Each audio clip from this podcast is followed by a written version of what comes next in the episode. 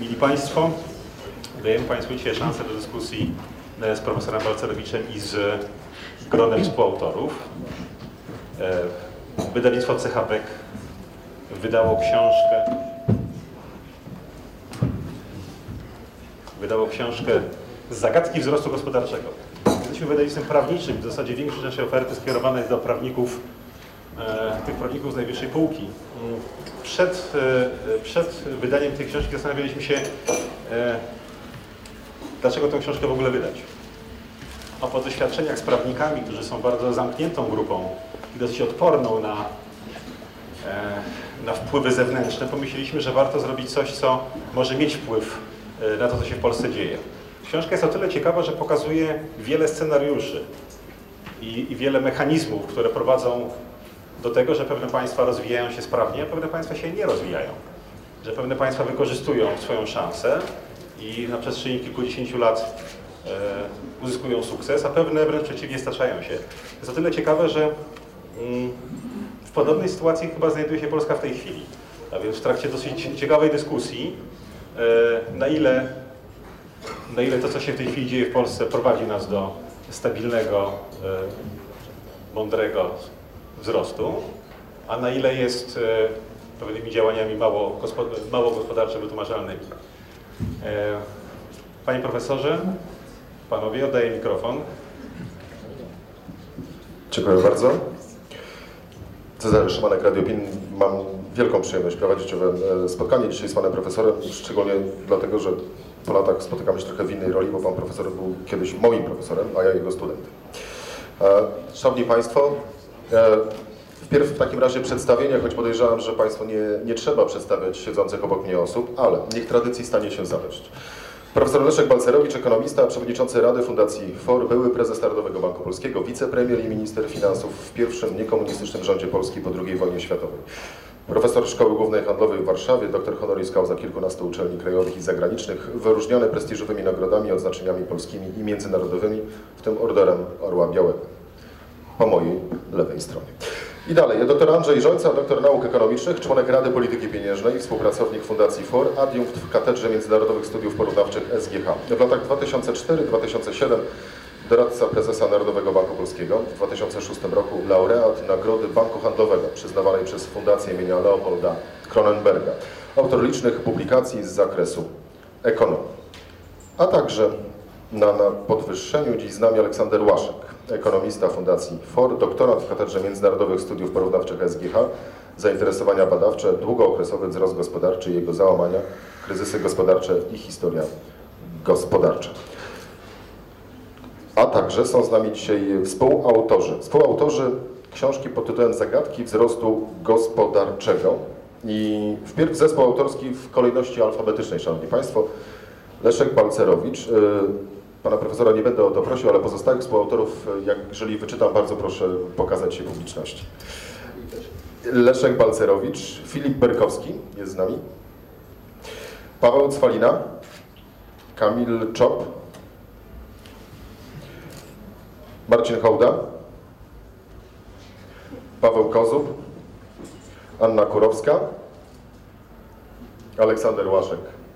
Jest Agnieszka Łoniewska, Andrzej Żońca siedzi z nami i Jakub Szeliga. To, są, to jest cały zespół autorski książki Zagadki wzrostu gospodarczego. Powiem szczerze, przydałyby się chociaż minimalne brawa, Szanowni Państwo.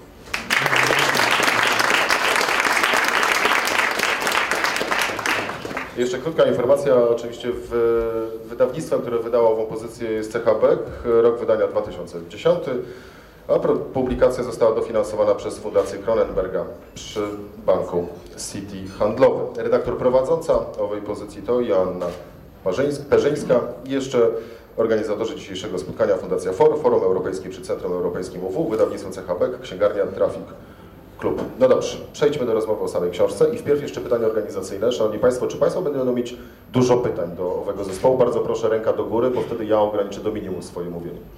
Jedna ręka. No proszę, śmiało. Bo to, bo to będzie oznaczało, że ja będę mówił przez półtorej godziny, a to może być nie do zniesienia. Szanowni Panowie, autorzy, ja najpierw posłużę się cytatem z tyłu, z profesora Stanisława Gomułki, który napisał tak. Ogólnie uważam książkę za jedną z najciekawszych, jakie opublikowano w Polsce w ostatnich latach. Jest łatwa w czytaniu, potwierdzam, i wobec tego e, może zainteresować także osoby spoza środowiska akademickiego. Niemniej jednak to studenci szkół i wydziałów ekonomicznych oraz część ekonomistów akademickich są, przypuszczam, głównymi adresatami i będą najczęściej jej czytelnikami. Czytając ową książkę, znalazłem tak naprawdę, chyba podejrzewam, jedno słowo, które trafia do całego ogółu potencjalnych czytelników, a mianowicie słowo szczęście. I teraz mam takie pytanie, panowie, jak bardzo od szczęścia zależy wzrost gospodarczy bądź też kryzys? Nie da się wykluczyć. Może najpierw dzień dobry Państwu.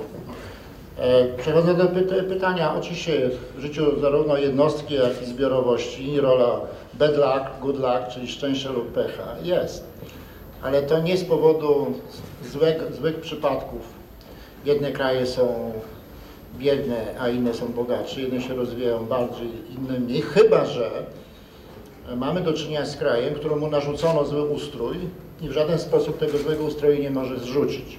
To był przypadek Polski e, po II wojnie światowej do 1989 roku, a także wszystkich krajów naszego regionu. Jeżeli kraj nie zależy od e, złych obcych mocarstw, to wtedy rola e, pecha, jak i szczęście jest zredukowana do głosu do, dochodzą siły nieprzypadkowe, o których właśnie staramy się w tej książce pisać. Może jeszcze jedno powiem, y, jak patrzymy na książki inne niż czysto literackie, po pierwsze, czy zajmują się istotnym problemem. Ja uważam, uważamy tutaj, że kwestia, dlaczego jeden kraj jest biedny, drugi bogaty, dlaczego jeden biedny wychodzi z biedy, a drugi nie jest najważniejszym problemem społeczno-polityczno-gospodarczym, bo ogromna większość ludzi, którzy są biedniejsi, chcą być w lepszej sytuacji materialnej. Nie, nie wszystko kupi się za pieniądze, o tym wiemy, ale bardzo wiele rzeczy. Lepsze mieszkanie, lepsza odzież, lepsze zdrowie, podróże i tak dalej. Także jest niesamowicie ważny temat. Polska do 1989 roku traciła dystans wobec Zachodu ze względu na zły ustrój. Od 1989 roku dopiero możemy nadrabiać. No i jak na razie nadrabiamy. Napisali panowie, i to w tym momencie kieruję słowa do doktora Andrzeja Rzęcy, bo napisali panowie we wstępie do owej książki takie zdanie. Nasza książka zasadniczo różni się od innych pod każdym względem. To znaczy? Pod trzema względami. E, Po pierwsze, o, inaczej niż w większości książek poświęconych wzrostowi gospodarczemu, w naszej książce omawiamy łącznie kryzysy e, oraz okresy bardziej, bardziej stabilnego wzrostu. E, Po drugie, e, w naszej książce koncentrujemy się na głębokich przyczynach wzrostu, ale wszędzie tam, gdzie jest to sensowne, odwołujemy się również do przyczyn płytkich, czyli do rachunku wzrostu, do nakładów kapitału, e, nakładów pracy, a także postępu technicznego i efektywności wykorzystania czynników wytwórczych. Wreszcie trzecia e, wy- wyjątkowa, e, jak mi się wydaje, cecha naszej książki, to oparcie analizy na specjalnie dobranych parach krajów. W naszej książce analizujemy w każdym rozdziale kraje, które w punkcie startu miały możliwie dużo podobieństw, e, w tym w szczególności e, miały podobny e, dochód na mieszkańca, no a później w ciągu kilkudziesięciu, kilkudziesięciu lat między krajami tymi pojawiły się różnice.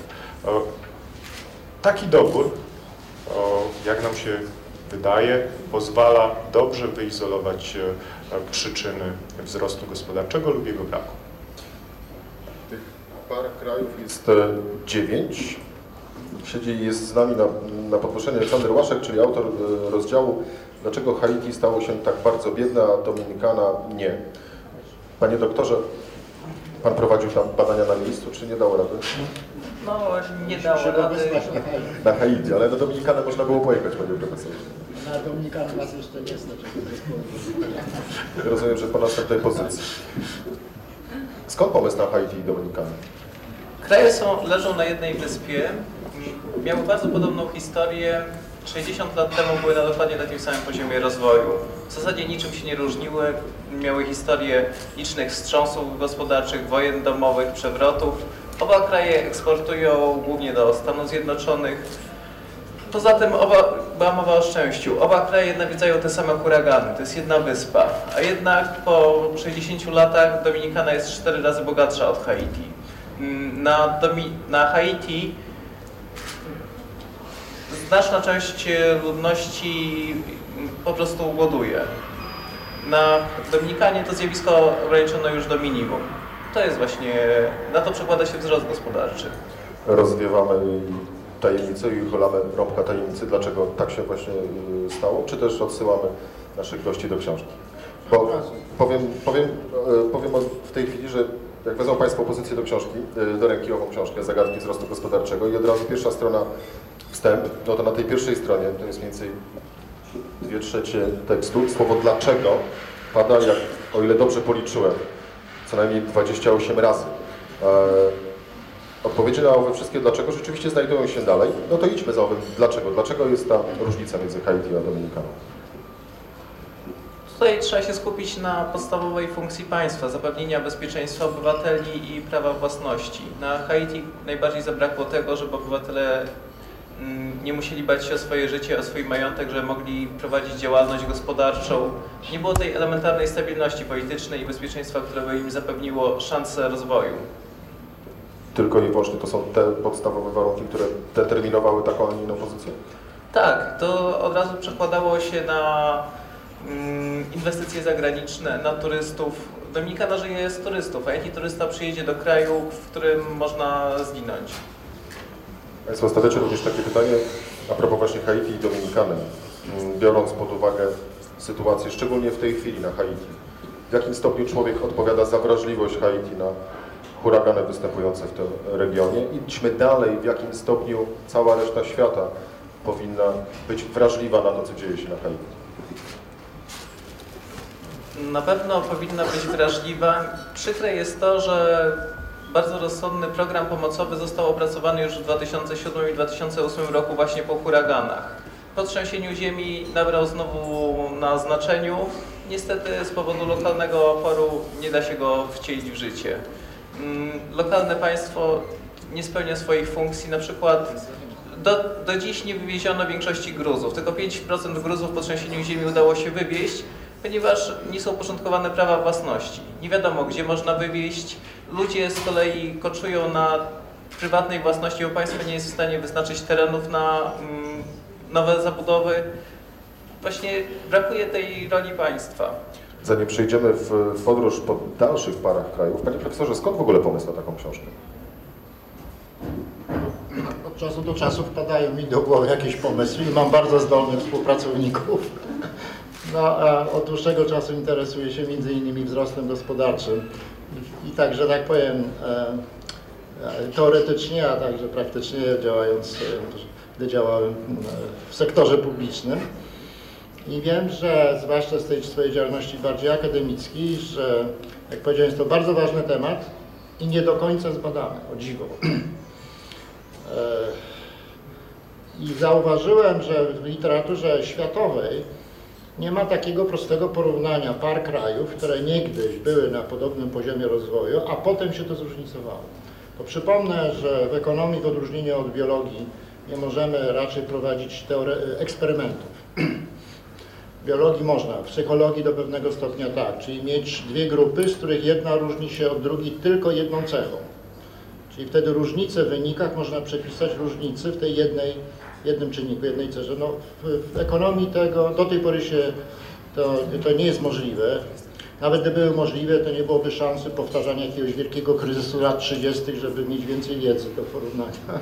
W związku z tym trzeba szukać naturalnych eksperymentów, które będą jak najbliższe temu, co można zrobić w naukach doświadczalnych. No i to są takie dziewięć par naturalnych eksperymentów. To idźmy w takim razie dalej w opowieści, jeżeli chodzi o wypary. Ja poproszę tutaj mikrofon dla Państwa. Jeżeli chodzi o pytania. Nie, za chwileczkę. Tak, za jakieś pół godziny. Dobrze? Dziękuję. Możemy spróbować wcześniej. E, Poproszę mikrofon e, do naszych współautorów. Możemy? to ten, bo oddamy ten. Dobrze, bardzo proszę. Ja mam prośbę do, do Państwa, abyście jeszcze raz się przedstawili i opowiedzieli kilka słów o swoich rozdziałach, które, które pisaliście i o owych zależnościach. Po kolei rozumiem, tak? A, Witam Państwa, Kamil Czop. E, Ja jestem autorem rozdziału o Portoryko i Kostaryce. Też zadam pytanie, był Pan tam? Nie. No niestety nie. E, Co prawda Kostaryka przeszła mi przez myśl, a, e, ale może to jest kwestia najbliższej przyszłości. E, Napisanie rozdziału się zniechęci. Myślę, że e, udało się ten rozdział napisać mimo braku tak zwanego fieldworku, e, mówiąc brzydka z angielska. Natomiast e, Kostaryka i Portoryko, dlaczego te dwa kraje były tak interesujące, jeżeli chodzi o porównania? Znowu bardzo wiele podobieństw w punkcie startu, którym był rok 1960. E, Czyli po pierwsze e, taka sucha dana liczbowa, ale jednak dużo mówiąca, czyli dochód na głowę mieszkańca tych dwóch krajów był praktycznie identyczny w roku 1960, a pod koniec okresu badanego, czyli w roku 2003, em, można powiedzieć, że dochód narodowy na głowę w Portoryko było 1 trzecią wyższy niż w Kostaryce. E, Po drugie, inne podobieństwa, czyli obydwa kraje latynoamerykańskie, e, bardzo podobna struktura społeczna, ponad 97% społeczeństwa to biali kreole. E, Podobna historia jako kolonii hiszpańskich. W końcu, w odróżnieniu od większości innych krajów Ameryki Łacińskiej, żaden z tych krajów nie utrzymywał sił zbrojnych z różnych powodów, ale żaden z nich i żaden z nich nie doświadczył w e, trakcie badanego okresu czegoś takiego jak przewrót wojskowy. E, Więc jak gdyby bardzo wiele podobieństw, natomiast e, skąd różnice? Em, Przede wszystkim różnice wynikały stąd, że Portoryko jako terytorium zależne od Stanów Zjednoczonych, e, ponieważ Stany Zjednoczone po wojnie z Hiszpanią na początku XX wieku ustanowiły swój protektorat nad Portoryko.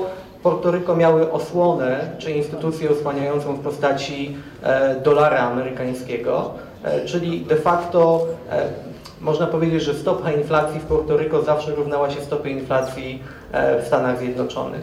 E, Natomiast e, jeżeli chodzi o e, takie elementy, które powodowałyby rozwój tych dwóch krajów, znowu w Portoryko e, silniejsze niż w Kostaryce było poszanowanie e, prawa własności i e, także był dużo niższy poziom interwencjonizmu państwowego, dużo mniej monopoli, e, liberalizacja sektora usług, ponieważ e, to, że Ko- Kostaryka rozwijała się wolniej niż Portoryko wynikało również przede wszystkim z tego, że były tam bardzo nieefektywne, wielkie monopole państwowe, które hamowały rozwój e, i e, w szczególności wzrost produktywności w sektorze usług. To tyle, oddaję e, głos kolejnemu współautorowi. Bardzo dziękujemy i bardzo. Ym, Marcin Hołda. Ja jestem autorem e, rozdziału porównującego Austrię i Szwajcarię. E, Wybór akurat tej e, pary krajów został podyktowany tym, że są to dwa sąsiadujące ze sobą kraje, które są podobne pod względem e, ukształtowania terenu, liczby ludności, pod względem powierzchni, a także pod względem kulturowym, ponieważ no, Austria jest krajem niemieckojęzycznym, Szwajcaria w dwóch trzecich również. E, Oba te kraje e, po II wojnie światowej rozwijały się bardzo szybko. E, Szwajcaria rozwijała się szybciej w zasadzie od większości małych rozwiniętych krajów europejskich, za wyjątkiem Austrii i Finlandii. Natomiast mimo wszystko był to bardzo imponują- imponujący, szybki wzrost. W 70, 1973 roku coś tam się stało. E, Szwajcaria przestała się szybko rozwijać e, i podczas gdy w latach 50 1950-1973 utrzymywała cały czas swoją przewagę e, nad Austrią, jeżeli chodzi o bezwzględną, bezwzględny dystans wyrażony w, w dolarach, jeżeli chodzi o PKB na osobę, to po 1973 roku, a był to rok szoku naftowego, Austria zaczęła się do Szwajcarii stopniowo przybliżać. E, Z 64% PKB Szwajcarii w 1974 roku do prawie 100% w 2003 roku. Także 30 e, kilka punktów procentowych PKB e, w trakcie tego okresu e, zdołała nadrobić. I to była główna przyczyna. Zaraz oddam. Bardzo dziękujemy i poprosimy. E, Witam, Anna Kurowska. E, Ja byłam autorką rozdziału porównującego Hiszpanię i Meksyk. E, I tutaj mamy z pozoru dwa zupełnie różne kraje leżące na dwóch różnych kontynentach. E, No ale jednak e, w 60 roku e, wykazywały one bardzo wiele podobieństw, nie tylko w aspekcie politycznym, bardzo podobne sem- semi-autorytarne reżimy, ale przede wszystkim właśnie gospodarczym, instytucjonalnym. Jeżeli chodzi o poziom PKB na głowę, był on niemal identyczny w 1960 roku, a do 1960 roku tempo wzrostu gospodarczego we wcześniejszym stuleciu było bardzo zbliżone. E, No poza tym Meksyk był kolonią hiszpańską, więc tutaj wpływy hiszpańskie powodowały, że te podobieństwa e, były dosyć duże. Natomiast e, po 60 roku nagle się wszystko zmieniło. Oba kraje w 60 roku były bardzo zamknięte na e, handel e, zagraniczny. Natomiast Hiszpania, w odróżnieniu od Meksyku, jeszcze pod rządami generała Franco, ale już zaczęła e, powoli liberali- liberalizować właśnie handel. I dzięki temu wykorzystała boom gospodarczy, jaki miał miejsce na świecie w latach 60. E, No, to się wiązało z dużymi inwestycjami zagranicznymi, rozwojem przemysłu, w szczególności przemysłu e, samochodowego w Hiszpanii, no i dzięki temu e, wysokim wzrostem gospodarczym. W tym okresie, w którym Hiszpania korzystała na liberalizacji handlu, na boomie światowym Meksyk pozostawał zamknięty, co więcej jeszcze zwiększał protekcjonizm, więc nie był w stanie podwyższyć tego wzrostu gospodarczego, wykorzystać boomu światowego. I to ten, ten czynnik, o którym powiedziałam, miał główne znaczenie w latach 60-77. Natomiast po 77 roku, czyli w latach 78-2001, które obejmowała analiza, e, tutaj miały miejsce już inne jakby aspekty, mianowicie podstawowym, e, podstawowym czynnikiem, podstawową przyczyną różnic w tempie wzrostu gospodarczego gospodarczego między tymi dwoma krajami e, były wstrząsy gospodarcze, jakie miały miejsce w Meksyku w 82, 86, 95 roku. E, Jeżeli e, zrobić taką mini symulację i zastąpić okresy e, wstrząsów gospodarczych w Meksyku właśnie 82, 86, 95 rok, to okazuje się, że gdyby Meksyk rozwijał się podobnie jak w pozostałych latach, albo podobnie jak Hiszpania w, w tym okresie, to z powodzeniem mógłby przegonić Hiszpa, Hiszpanię. A Więc główna przyczyna tutaj to były wstrząsy gospodarcze. I tutaj nawiążę może do wyjaśnień już takich bardziej ogólnych. Ten pierwszy okres, 60 rok, 77, czyli otwarcie e, Hiszpanii na handel zagraniczny, to jest e, przede wszystkim rola instytucji napędzających. Natomiast po em, o 78 roku e, to jest kwestia instytucji stabilizujących i w przypadku właśnie Meksyku było to w porównaniu do Hiszpanii było to niewystarczająca e, stabilność, jeżeli chodzi o system finansowy, politykę monetarną i politykę ogólnie makroekonomiczną. Myślę, że o tych ogólnych instytucjach napędzających i stabilizujących będzie, będzie jeszcze mowa. Bardzo dziękujemy. Te pary, o których cały czas mówimy, ja pozwolę je sobie wszystkie przeczytać. Australia, Nowa Zelandia, Austria, Szwajcaria, Estonia, Słowenia, Meksyk, Hiszpania, Wenezuela, Chile, Kostaryka, Portoryko, Haiti, Dominikana, Chiny, Indie, Pakistan, Indonezja. Panowie, z Panów punktu widzenia, nie pytam oczywiście o atrakcyjność, e, jak zostały owe rozdziały napisane, bo wszystkie są na takim samym poziomie atrakcyjności, czyli bardzo wysokim. E, A jeżeli chodzi o przypadek ekonomiczny, gospodarczy, to dla Panów, która przypadek z tych dwóch par był najciekawszy? Panie doktorze, bardzo proszę.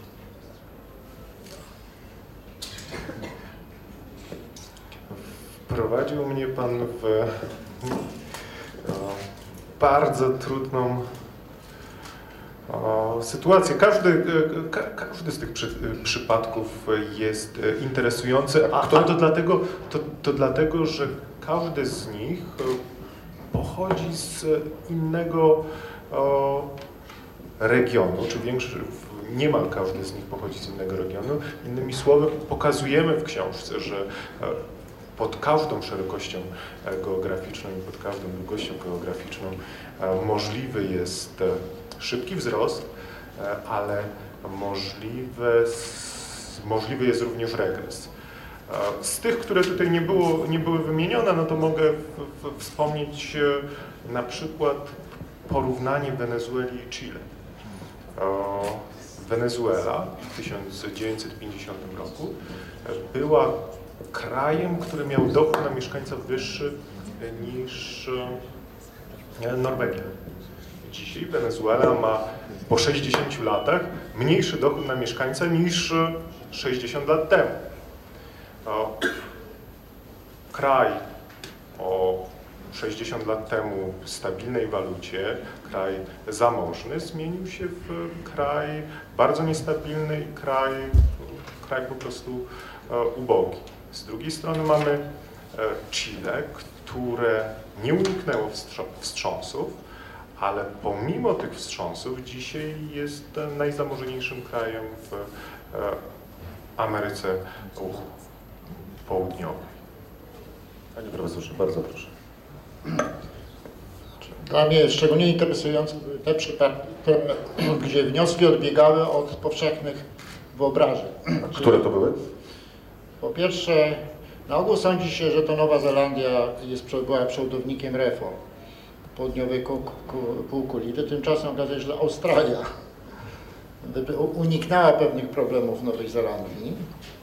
Na przykład e, ogranicza, miała niższy poziom wydatków publicznych do dochodu narodowego, nie dopuściła do ekspansji fiskalnej i po cichu się reformowała, to tymczasem Nowa Zelandia najpierw padła w problemy, a potem się głośno reformowała i stała się głośna. Ale większe sukcesy odnotowała i odnotowuje Australia. To jest pierwsze nieoczekiwane. Drugie, o którym była mowa, to jest Austria i Szwajcaria. Też dzięki swoim zdolnym studiom odkryłem, jak ta Austria doganiała Szwajcarię i okazuje się, że istotne jest to, w jakim tempie kraj się skali się reformuje. Nawet jeżeli nie całkiem dogoni, to pewnymi względami przodownika, to samo tempo i skala reform są istotne dla wzrostu gospodarczego na pewną metę. Po trzecie, y, dodałbym do tego Meksyk i Hiszpanię. To ta praca pokazała, pani Ania tutaj pokazała, jaka jest wielka rola kryzysów w tłumieniu wzrostu. Po prostu jak kraj, kraj wpada w kryzys, no to idzie do tyłu, a nie do przodu. Wytraca szybkość. Wtedy e, Meksyk miał ze trzy takie kryzysy i że te kryzysy w większości są wywołane błędną polityką gospodarczą państwa, za którym się kryje błędna polityka w ogóle. I wreszcie czwarte to jest Chiny i, e, i Indie. Jakie jest potoczne wyobrażenie? No takie, że w Indiach jest kapitalizm, a w Chinach socjalizm. Tak? I ludzie się dziwią, często ma na spotkaniach takie pytanie, jak to jest możliwe? Pan mówi, że socjalizm nigdzie się nie sprawdził, a Chiny? Otóż w Chinach od końca lat 70. wprowadzono o wiele więcej reform idących w kierunku kapitalizmu niż w Indiach, choć oczywiście z niższego poziomu, że tak powiem, tego ustroju, ale rozmiary reform wolnorynkowych w Chinach przewyższyły to, co się stało w Indiach. Na dodatek oni ograniczyli wydatki publiczne, mają większą stopień oszczędności dzięki temu i to są główne przyczyny, dlaczego Chiny bardziej się rozwinęły niż Indie, chociaż Indie na szczęście też nadrabiają, ale wolniej.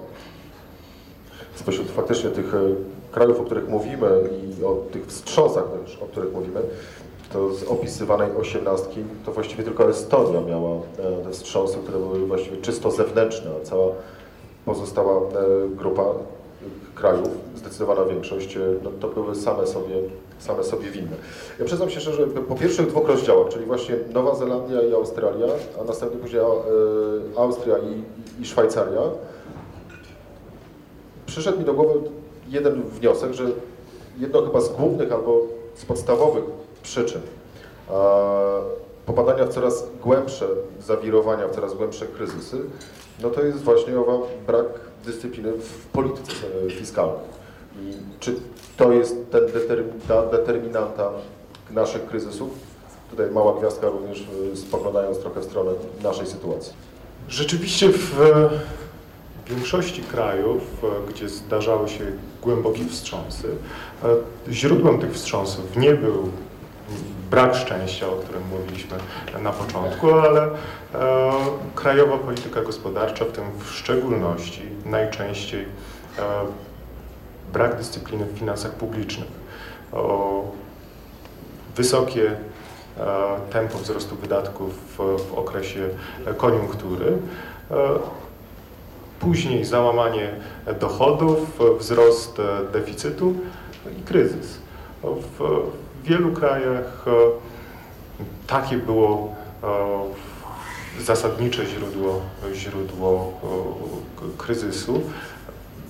Kraje, żeby sobie z tym kryzysem poradzić, mu- musiały poradzić się ze, ze swoimi chorymi finansami. Jeżeli z tymi chorymi finansami nie potrafiły e, się uporać, to tak jak Wenezuela, e, te kryzysy powracały, powtarzały się e, i mieliśmy dekady e, spadku PKB na mieszkańca.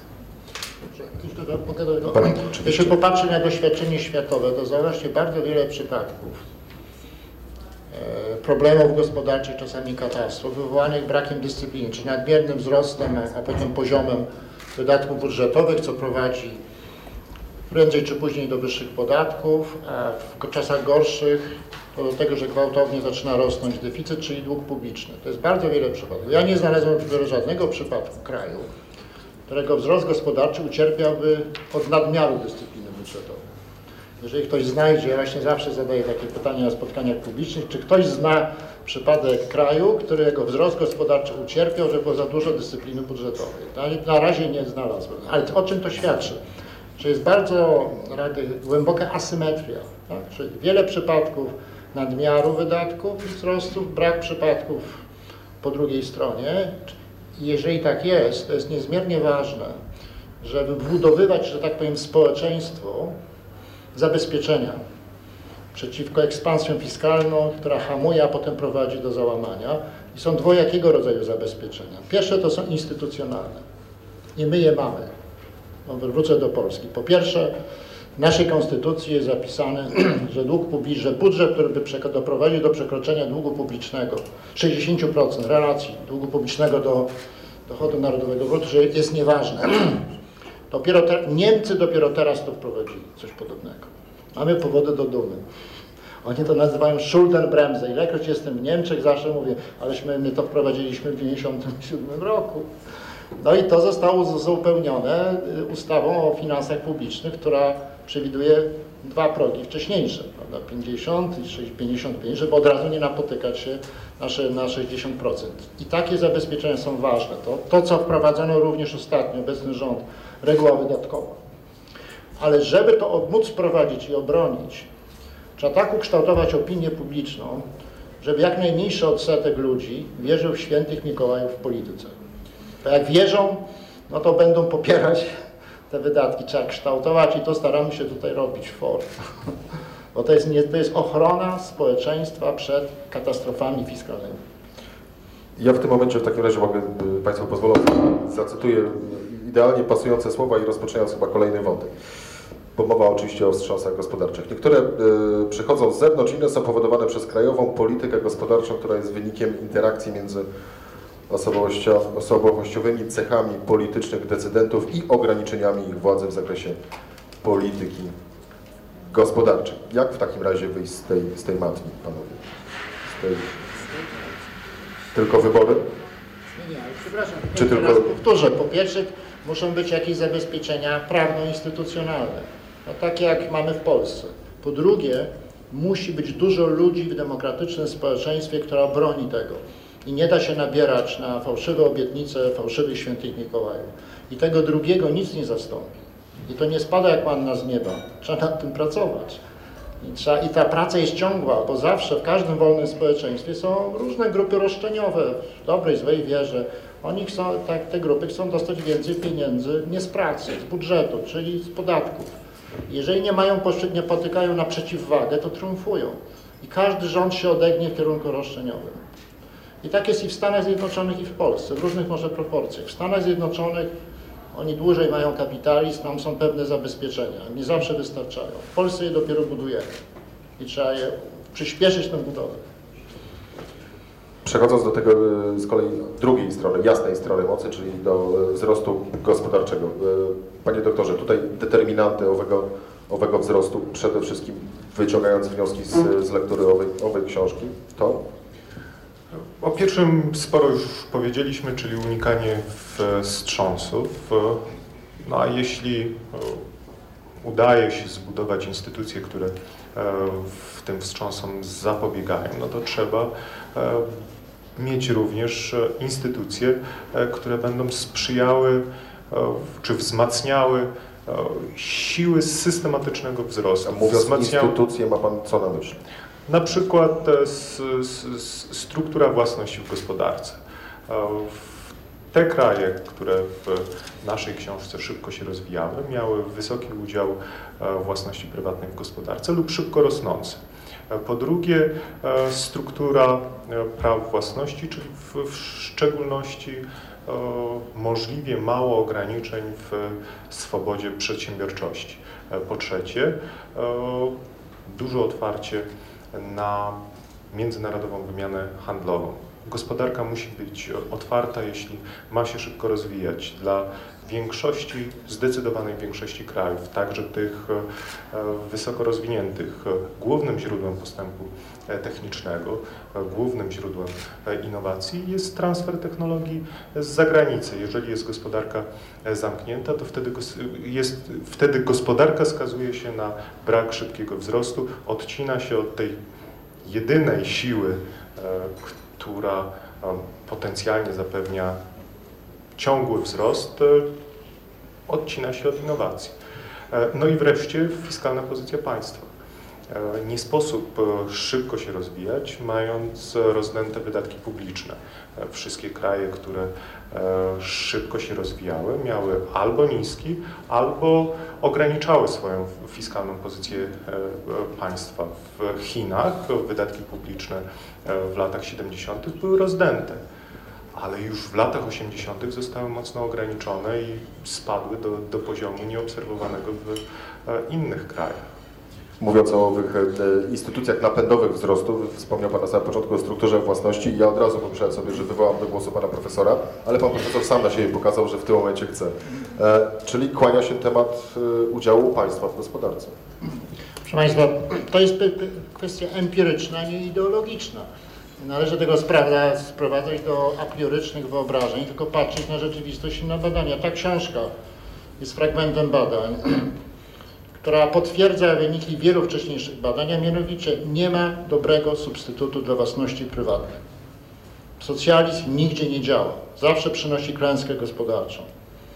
Nie ma na systematyczny, nie, nie, wiara w tak zwanych national champions, czyli duże, duże państwowe przedsiębiorstwa, które jakoby miały być sprawniejsze niż prywatnie, z mrzonką.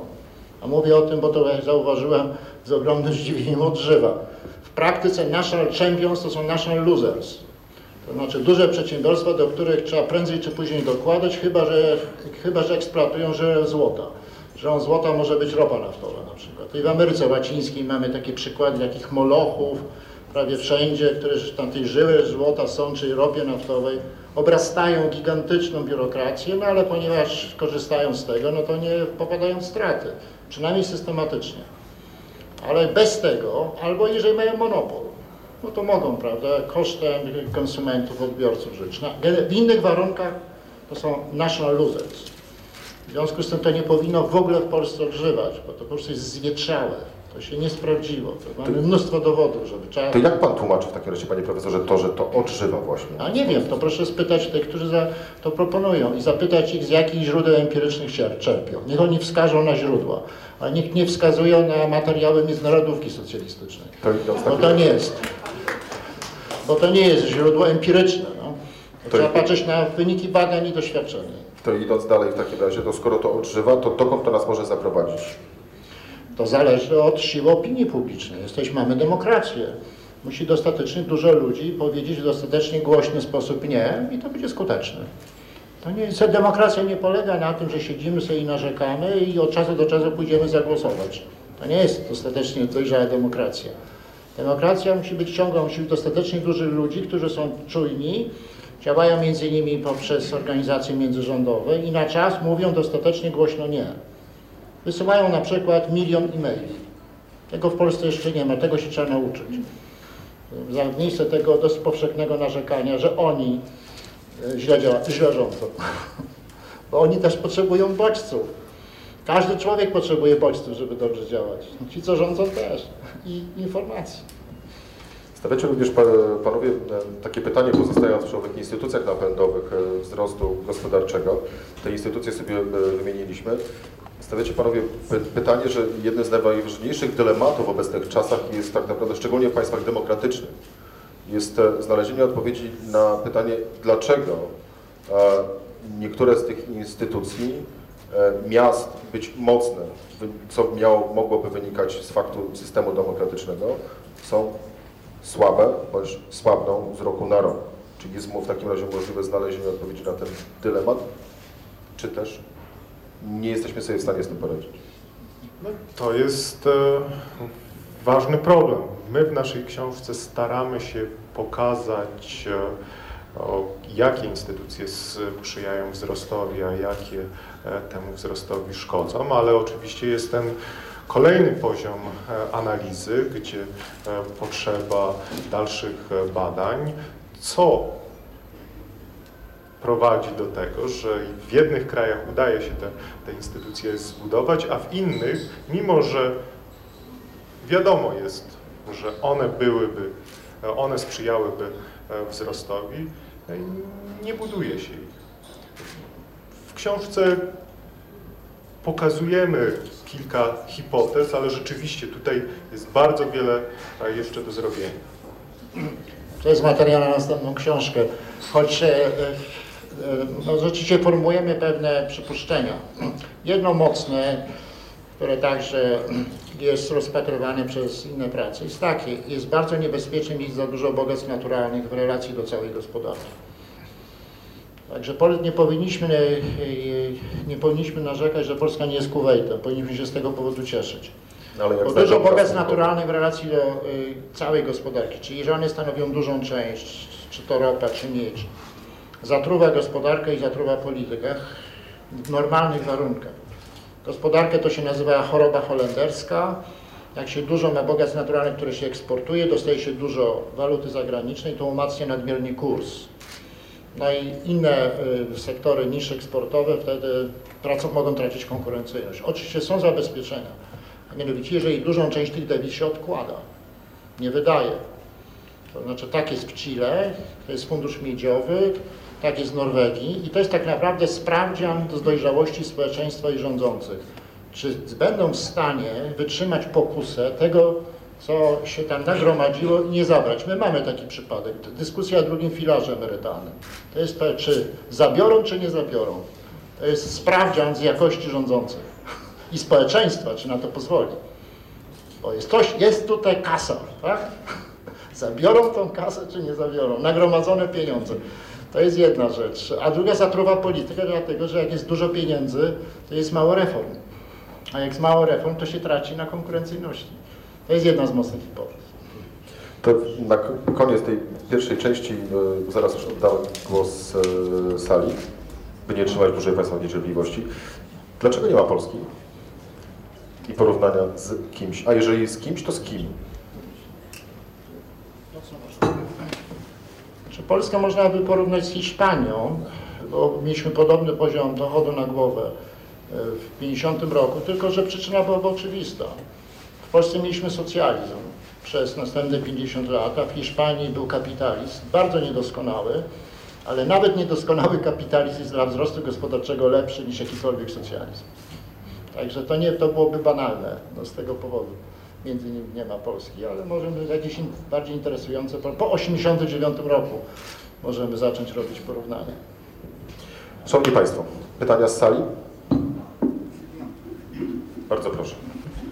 Dzień dobry Państwu, dzień dobry Panie Profesorze. Mam takie pytanie, ponieważ y, moim zdaniem y, jednym z warunków koniecznych do równo także stabilnego y, rozwoju każdej gospodarki wolnorynkowej, która się rozwija, gospodarki dynamicz, dynamicz, dyna, dynamicznej, jest jakby napływ do gospodarki tak zwanego pieniądza egzogenicznego, nieinflacyjnego, czyli pochodzącego spoza układu gospodarczego, e, e, który by ten pieniądz mm, powodował to, że rzeczywiście bogactwo społeczeństwa by faktycznie rosło, bo nie ukrywajmy, na samym popycie wewnętrznym y, daleko nie zajedziemy.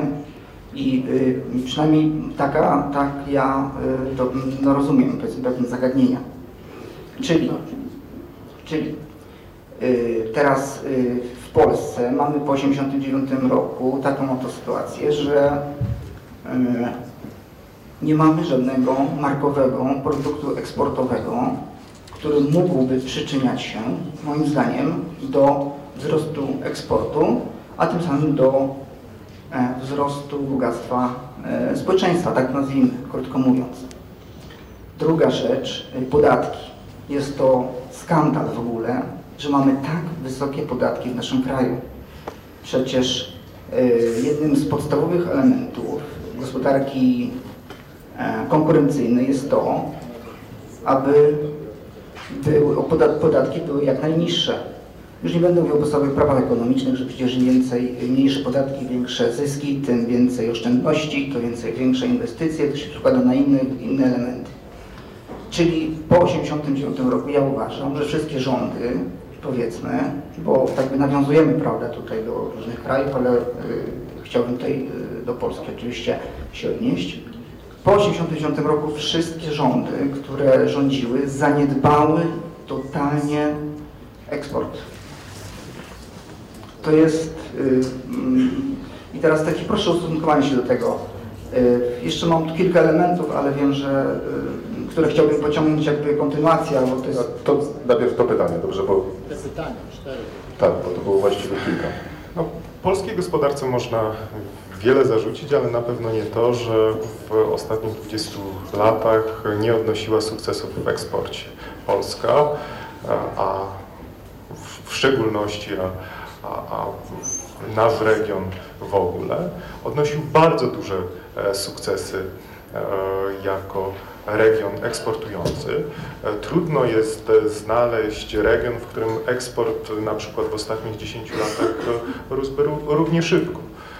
Nasz region eksportował tak szybko jak Chiny. Można się o tym przekonać, sięgając do ostatniego raportu Europejskiego Banku e, Odbudowy i Rozwoju. A Polska e, wcale nie odbiegała od e, reszty krajów naszego regionu. Jeśli spojrzeć na dynamikę polskiego eksportu, to polski eksport rósł, zdaje się, że chyba nawet szybciej niż średnia dla, dla regionu. Ten eksport rósł chyba właśnie dlatego, że rządy zaniedbywały, jak pan to nazwał, eksport e, przez wcześniejsze, e, przez e, wcześniejsze kilka e, dekad e, poprzedzających 89 rok e, były e, programy e, tworzenia polskich marek. Spróbowano e, na przykład e, zbudować polską e, Dolinę Krzemową.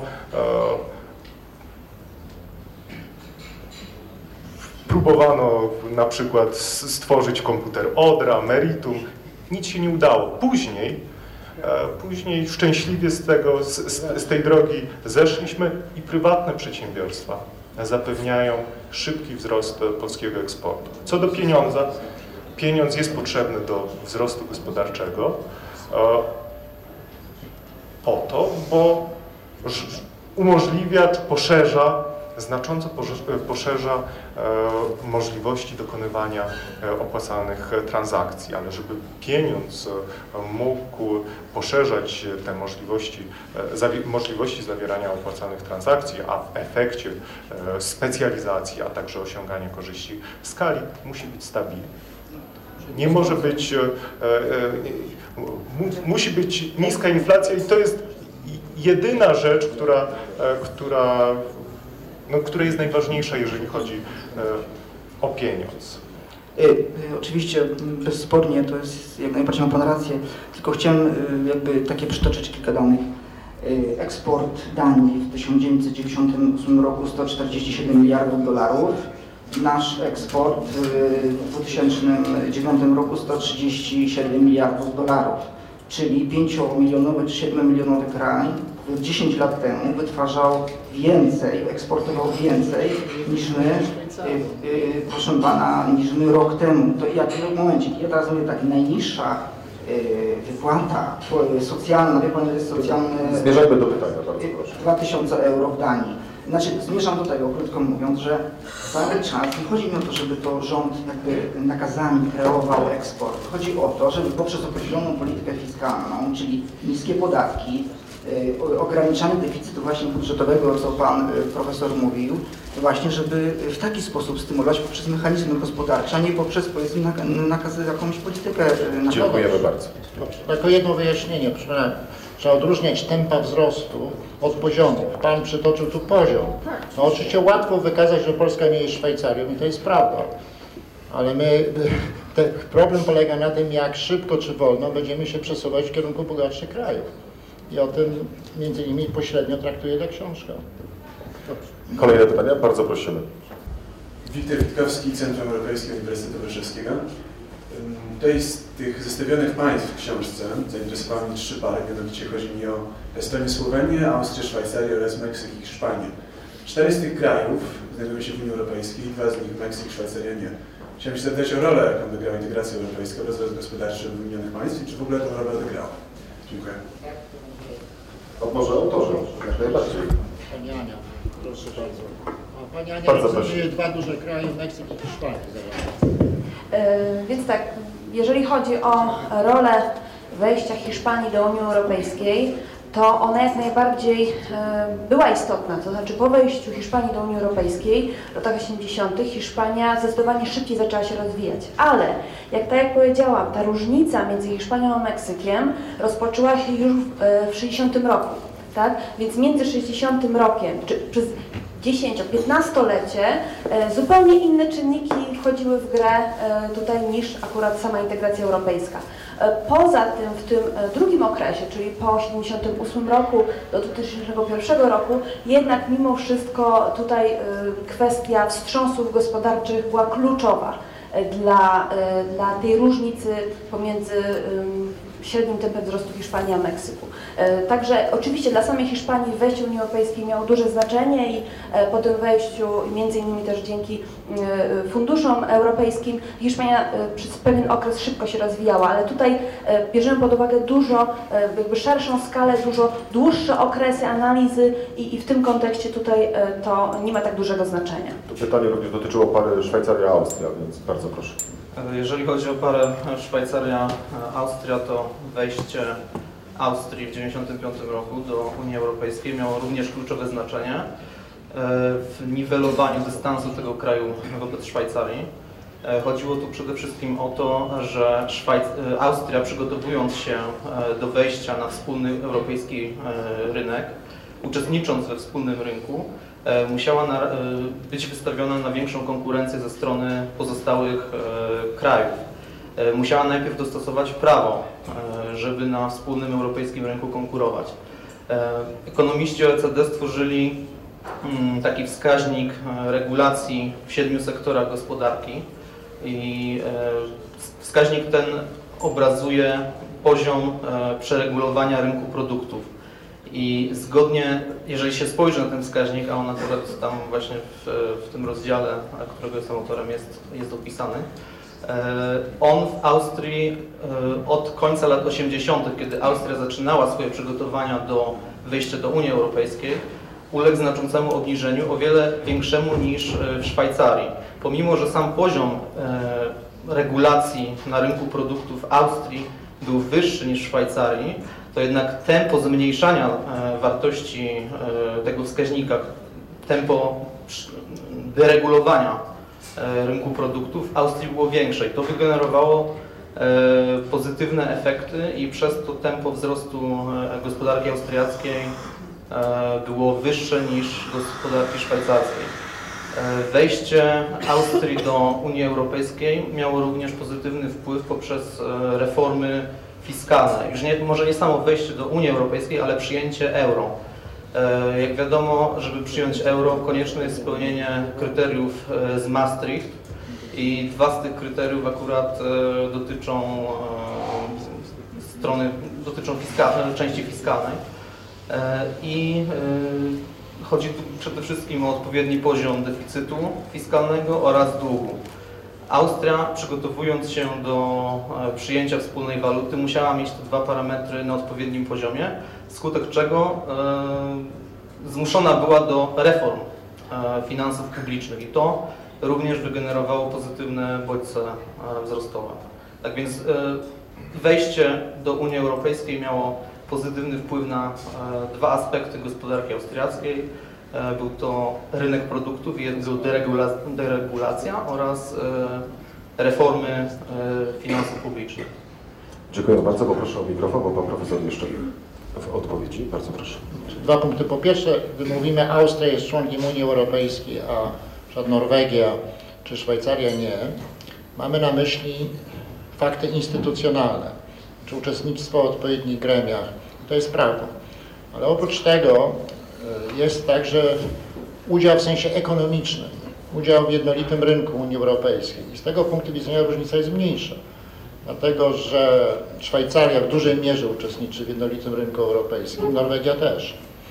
To nie znaczy, że e, przygotowywanie się do pełnego członkostwa nie miało znaczenia, miało znaczenia, kolego powiedział, ale nie można patrzeć tylko na fakty instytucjonalne. To po pierwsze. Po drugie, z euro to jest tak, że euro na etapie dążenia do wejścia do strefy euro, ono wytwarzało silne bodźce żeby ograniczać wydatki, zmniejszać deficyty. Niektóre kraje potraktowały to poważniej, trudno mi takie wymienić, ale są pewnie, a inne zupełnie niepoważnie, jak Grecja, o czym wiecie. Tak?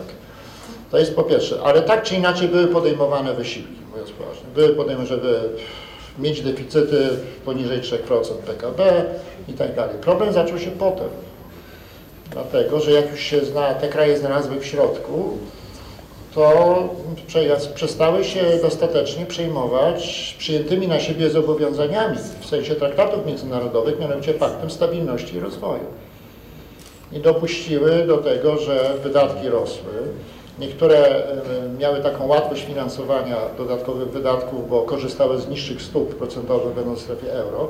I to pokazuje, jak niesamowicie ważne jest, żeby mieć w kraju dostatecznie silne ograniczenia przeciwko tej ekspansji budżetu, która źle się kończy dla ludzi. Czas. Każdy kraj powinien to budować. Jak jest w strefie euro, oczywiście też, jak nie jest w strefie euro, również, ale szczególnie jak jest w strefie euro. Znaczy w obu przypadkach trzeba to budować. Dziękuję bardzo. Kolejne pytanie? E, Ja, ja mam takie pytanie do e, profesora. E, Pan profesor bardzo wychwalał drogę, którą poszły Chile czy Norwegia, mianowicie, że odkładają zyski z bogactw naturalnych na fundusze nie przejadają ich od razu. Ja się tak zastanawiam, czy to jest taka mądra droga, bo moim zdaniem te pieniądze, które nie przyjął teraz, przed Norwegię, które teraz nie przyje, to raczej odkłada na to, żeby przyjeść w przyszłości. Czy to czy pieniądze, które bądź co bądź tracą e, na wartości, na, na, w, czasie, w czasie tracą na wartości, przed 100 dolarów, teraz 100 dolarów, e, e, 50 lat temu już to jest kwota ta sama, jednak już zupełnie inna wartość pieniądza. E, I czy nie, nie mądrzej byłoby na przykład zainwestować te pieniądze, które teraz przynoszą, e, które są z zysków naturalnych e, jakoś lepiej? One właśnie inwestują. To nie jest tak, przecież jak Pan sobie chyba wyobraża, że odkładają do dużej skarbonki. Banknoty i monety, i monety się nie dzieją, a banknoty podlegają innym procesom fizycznej destrukcji. A oprócz tego inflacja. Nie, przecież to ten fundusz polega na tym, że się inwestuje. No i oczywiście cała rzecz, żeby mieć dobrych managers, tak, żeby oni właściwie inwestowali. Z tego co wiem, na razie nieźle wychodzą mimo kryzysu.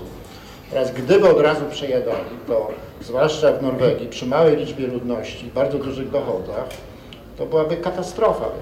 Nadmiar to rzeczywiście, no, masa pieniędzy, aprecjacja waluty, demobilizacja ludzi, bo łatwe pieniądze ludzi demobilizują. Najwię- Największe zniszczenie, jakie można zrobić oprócz y, zniszczenia wojennego, to jest zniszczenie bodźców do pracy. Do pracy umysłowej, fizycznej. To jest największe zniszczenie. Bo wtedy z pracy, z rozsądnej pracy bierze się przecież dobrobyt. Więc myślę, że te kraje robią rozsądnie. Odkładając, czyli inwestując. Rozmaite aktywa. E, I one inwestują, no myśląc trochę do przodu również. Starając się uniknąć największych pułapek, jakie wiążą się z wielkimi dochodami z bogactw naturalnych i myśląc o przyszłości, w przypadku Norwegii to odkładają na, y, myślę o funduszach emerytalnych, głównie na fundusze emerytalne. Kolejne pytanie, Szanowni Państwo?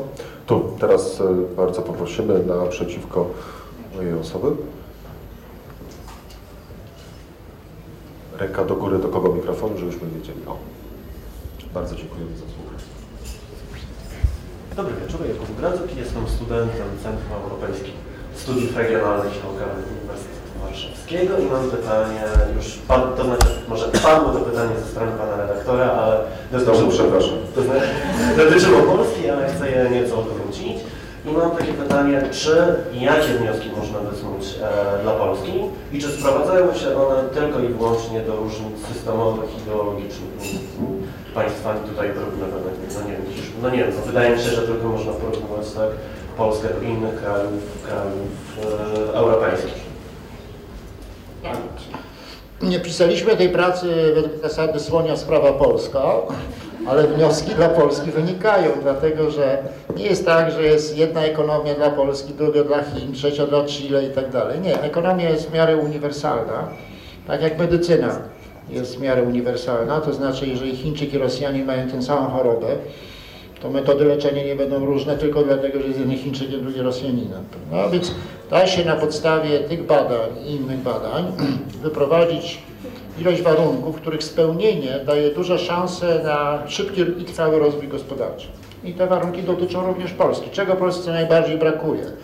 Dzieje najwięcej do zrobienia. Najprawdopodobniej największą przeszkodą na drodze szybkiego rozwoju Polski jest stan finansów publicznych. Przy to nie chodzi tylko o ostatnie lata.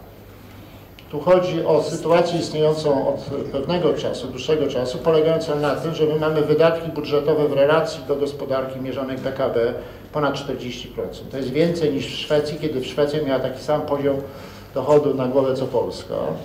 I nawet gdyby nie było bardzo rozrzutnych rządów poprzedzających obecny, podkreślam, a potem spowolnienia, to i tak finanse publiczne, choć nie tak drastycznie, hamowałyby rozwój to przez nadmiar wydatków i związane z tym i wysokie podatki. A gdy przychodzi spowolnienie lub gdy poprzednicy za dużo wydali, no to wtedy jeszcze problem się potęguje i wtedy kraj wkracza taką sferę, strefę podwyższonego ryzyka, z którego należy jak najszybciej wychodzić. To z przykładów mamy dostatecznie dużo, żeby do tego zachęcać. Więc ja myślę, że to najwięcej mamy do zrobienia i tu jest najwięcej potrzeba zaangażowania ludzi. Społeczeństwa obywatelskiego, o którym się tak szumnie mówi, żeby budować przeciwwagę, jak powiedziałem, do tych, którzy wierzą w świętych Mikołajów w polityce. Zbliża się święto Bożego Narodzenia, może sobie powiedzmy, że święci Mikołaje tak, ale tylko w rodzinie. A nie, nie wierzymy w świętych Mikołajów w polityce. I kto więcej obie- obiecuje, tym bardziej powinien być podejrzany. I rzeczywiście, w tym bardziej na tę największą nieufność zasługuje. I tu jest bardzo, czyli tu jest, oczywiście takie rzeczy, które chyba przynajmniej w tym gronie nie budzą większych wątpliwości, a mianowicie, że, że przedsiębiorstwa powinny być prywatne i po trzecie podlegać konkurencji, czyli trzeba naciskać na odpolitycznienie przedsiębiorstw i na to, żeby każde przedsiębiorstwo, jeżeli to tylko technicznie jest możliwe, podlegało konkurencji. I z tego od razu można wyprowadzać y, konkretne obserwacje. No, mieliśmy w Polsce stosunkowo niedawno próbę przejmowania przez państwowy bank banku prywatnego. To była antyprywatyzacja. Tak, my mamy do zrobienia dużo prywatyzacji jeszcze, a tu nagle próbowano robić antyprywatyzację. No ona została szczęśliwie zablokowana, znaczy nie powiodło się. A, a, a, a potem mieliśmy przypadek, jak to jedna państwowa firma w energetyce kupiła, czy chce kupić drugą państwową firmę i to nawet nie chodzi tylko o to, że państwowe oczywiście, ale też, ale na dodatek to ograniczało konkurencję. To pokazuje, jak trzeba bronić prywatnej własności, trzeba bronić konkurencji. Do tego potrzebne są niezależne instytucje. I na przykład Urząd Ochrony Konkurencji i Konkuren Konsumenta moim zdaniem powinien być równie niezależny jak Bank Centralny. Czyli nie, nie, nie powinno być tak, że prezesa czy prezesa można odwołać z dnia na dzień. To wtedy nie ma żadnej za- niezależności. No i i oprócz tego po, po, musi być zorganizowana opinia publiczna, która pilnuje tych, którzy pilnują, czy broni tych, którzy bronią czegoś ważnego. Czego? Stabilności pieniądza, konkurencji, prywatnej własności. Kolejne pytanie, Szanowni Państwo. Bardzo prosimy. Teraz, y, proszę, zamierzamy mikrofon. Pani Panie profesorze, zagadki wzrostu gospodarczego mnie nurtują od szeregu lat. Witamy w naszej grupie. Jakieś, nie wiem, 8-10 lat spotkałem się z panem profesorem na Zamku Królewskim Tam myśmy trochę podyskutowali chyba z pół godziny po, po, po, po skończeniu oczywiście na tego. I dzisiaj specjalnie przyszedłem do pana profesora, żeby te zagadki, które tutaj są, zostały mnie zrozumiane. Dlaczego? Bo jestem człowiekiem doświadczonym i wiekowym trochę, który wraz jak Polska wzrastała, pracował, uczył się i uczył innych. I był stypendystą w swoim, w swoim czasie e, hutnictwa. I teraz tak, mało. Na Waryńskiego byłem w 1954 roku pełnomocnikiem i kierownikiem działu organizacji Koparki 03, prototypy, które były bardzo dobre, cały świat zalegały, a w tej chwili w ogóle się ich nie produkuje. Produkują podobno licencję wykupioną Chińczycy, ale jako szmelc. To tak wiem na. Czy możemy prosić o pytanie? Tak, tak. Będą cztery pytania. Bo dlaczego? Dlatego, że jako doświadczony, bo przepraszam jeszcze, po 56 roku prowadziłem prywatne przedsiębiorstwo. To zacznijmy od tych pytań. To jest bardzo dużo, także doświadczenie osobiste mam, prawda, i nie tylko osobiste. I tutaj pan profesor musi mi rozwiązać zagadki. Najważniejszą zagadką to jest ten dług, który w tej chwili jest około 706 miliardów złotych. Nie mogę go rozszyfrować. Ja żyłem z długiem gierkowskim 17 miliardów, z tego 5 miliardów poszło na konsumpcję, a 12 na przemysł motoryzacyjny, który w ogóle nie istnieje w Polsce jako polski. Poza tym, jeśli chodzi o przemysł maszynowy, absolutnie nie istnieje. Myśmy robili specjalne obrabiarki dla Stanów Zjednoczonych. Rozumiem, że pytanie jest o Anglia. dług, prawda? No ale nie, to będzie miał pan profesor tutaj przy tym, bo samo pytanie nie da nic. Może zmylić panu profesorowi, że tak powiem, odpowiedź. Ale do pytania... Spróbujmy, bo może nie zmyli. Jeżeli zmyli, to wtedy dopiero będziemy Nie, dopowiadać. no ja bym chciał potraktować tak jak ex katedra. Jestem y, przy profesorze i, że tak powiem, dlatego y, rozmawiam, żebyśmy się rozumieli. Bo nie chodzi o pytanie i odpowiedź, to nie ma nic, poszło teatrem. Spotkaliśmy się tutaj, żeby powiem, rozwiązać pewne rzeczy.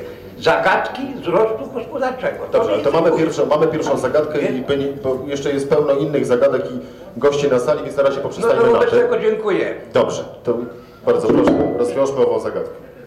Jeśli chodzi o dług,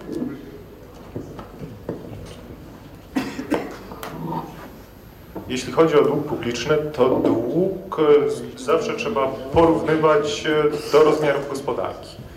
O, Dług publiczny dzisiejszej Polsce to jest e, mniej niż 55% PKB. E, W 1989 roku, a więc e, po upadku poprzedniego e, ustroju, dług publiczny sięgał 90% e, PKB.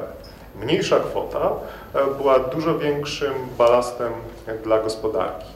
E, Ten dług wówczas był zaciągnięty e, wobec zagranicy, a nasza gospodarka nie była w stanie wytworzyć e, wystarczająco wiele dóbr, które e, ch- chciano by e, za granicą kupować, żeby ten e, dług e, obsłużyć. E, Gdy socjalizm upadał, rezerwy dewizowe e, wynosiły bodajże około e, 2 miliardy e, dolarów i były wielokrotnie niższe od samych odsetek e, od długu, który miały być e, zapłacone w, w, w, w, tamtym czasie. Więc pod względem zadłużenia, jak i pod wieloma innymi względami sytuacja bardzo się zmieniła, co nie oznacza, że teraz nie mamy problemu. Dług publiczny e, na skutek z jednej strony spowolnienia wzrostu gospodarczego, a z drugiej strony e, no, odkręcenia planu Hausnera przez poprzedni rząd oraz wprowadzeniu e, wielu dodatkowych zmian, które z jednej strony obniżyły e, obciążenia fiskalne, ale z drugiej strony e, zwiększyły wydatki, szybko rośnie. I szybki wzrost długu publicznego w naszym kraju jest problemem i ten wzrost e, trzeba zatrzymać, no ale żeby móc zatrzymać narastanie długu publicznego, no to trzeba ograniczyć, zahamować tempo wzrostu wydatków publicznych. Bardzo dziękujemy. Tu Pani miała pytanie, bardzo proszę.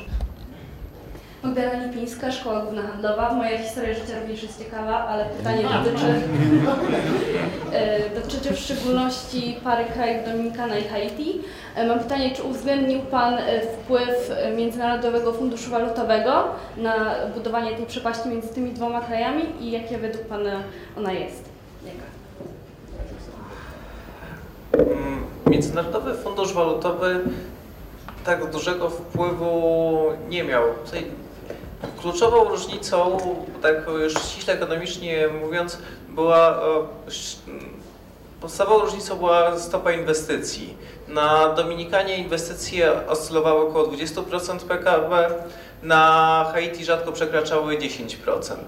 Także tutaj nie chodzi tylko o inwestycje publiczne, to i główną na różnica przypadała na inwestycje prywatne.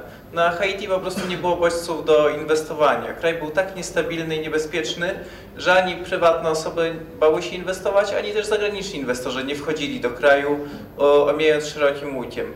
Jeśli się nie mylę, to w tej chwili inwestycje zagraniczne na Dominikanie sięgają około 20 miliardów dolarów, na Haiti to jest rząd wielkości około 200 milionów dolarów.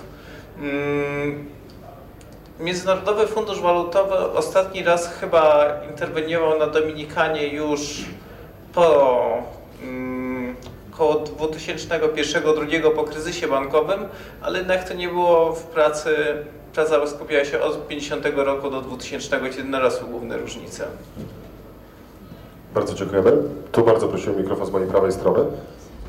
No właśnie, a propos e, tutaj e, Pana wytłumaczenia, e, takie jedno krótkie pytanie. Czym kierowali się autorzy, kończąc swoje badania? To znaczy chodzi mi o rok końcowy analiz, ponieważ no, mamy rok 2010, a niektóre analizy kończą się na początku lat 2000, a chyba ciekawym byłoby porównywanie tych krajów sytuacji kryzysu na rynkach finansowych, a i pojawiają się już w końcu książki na przykład na rynku amerykańskim, które obejmują również rok 2008-2009. Rzecz jest bardzo prosta. Autorzy musieli obronić pracę magisterską na czas. Widzicie, bo napisali bardzo dobre prace mag- magisterskie i dzięki temu powstała, e, no, jak sądzę, interesująca książka. Ale świat i wydarzenia rzeczywiście biegną i są nowe fakty. Na pewno materiał na kolejne prace. Także jest kolejne seminarium, kryzysy i wzrost gospodarczy. Będzie adwocem. E, Już podaję mikrofon, bardzo proszę. Dodatkowo jeszcze warto wspomnieć, że żeby napisać tę pracę, musieliśmy mieć pewne serie porównywalnych danych dla poszczególnych krajów. I kiedy my tę pracę pisaliśmy, to było chyba dobrze, to powiem głośno. To był rok 2005, 2006, 2007. No i wtedy niestety, jeżeli chodzi o serię porównywalnych danych, one się kończyły na roku 2003, 2004. No i to powodowało, że to, był, to była data, kiedy kończyliśmy nasze obserwacje. Ale to też nie jest tak, że my przestaliśmy się zupełnie interesować tym, co się dalej dzieje E, i na przykład ja obserwuję nadal różnice, jakie występują między Hiszpanią i Meksykiem i te dziesięciolecie, które nastąpiło po 2001 roku, które jakby kończyło analizę, e, potwierdza jak najbardziej e, te e, ustalenia, które wcześniej się pojawiły. E, Od tego momentu, w szczególności po, e, tu mówię o Hiszpanii i Meksyku, bo tym się głównie zajmowa, tym się zajmowałam, e, po e, ostatnim kryzysie, mm, takim szczególnie głębokim w Meksyku w 1985 roku, bo jeszcze potem był kryzys oczywiście w 2001 roku, no i obecnie, ale one mają zupełnie już inny charakter. E, Te wcześniejsze kryzysy w 82, 86, 85 roku były spowodowane właśnie e, słabością instytucji stabilizujących, natomiast 2001 rok i obecny kryzys e, był związany z sytuacją w Stanach Zjednoczonych i sytuacją globalną. Niestety Meksyk jest bardzo silnie powiązany z gospodarką amerykańską. Eksport Meksyku do Stanów Zjednoczonych to jest ponad 85% i cykle koniunkturalne są synchronizowane w tych krajach.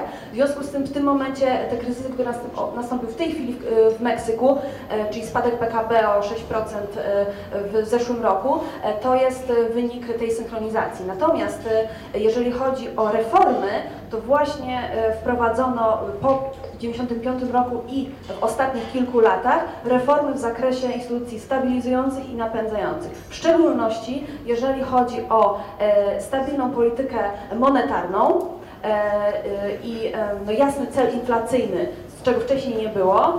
Po drugie, też ograniczona jest, ograniczona jest polityka fiskalna. Zwiększono zdecydowanie stabilność systemu bankowego, wprowadzając mi- między innymi e, nadzór bankowy w zdecydowanie większym zakresie niż wcześniej, ponieważ e, ten, e, kryzysy wcześniejsze w Meksyku miały u podłoża bardzo nie, bardzo mały i, i, i niewystarczający nadzór bankowy. Em, Także tutaj można powiedzieć, że to, co się dzieje obecnie w ostatnich 10 latach w Meksyku, e, jest dokładnie jakby odpowiedzią na te problemy, które e, zostały zidentyfikowane. Czytają naszą pracę. Super, bardzo Pani dziękuję. Pytanie z mojej lewej strony sali, tam poproszę mikrofon.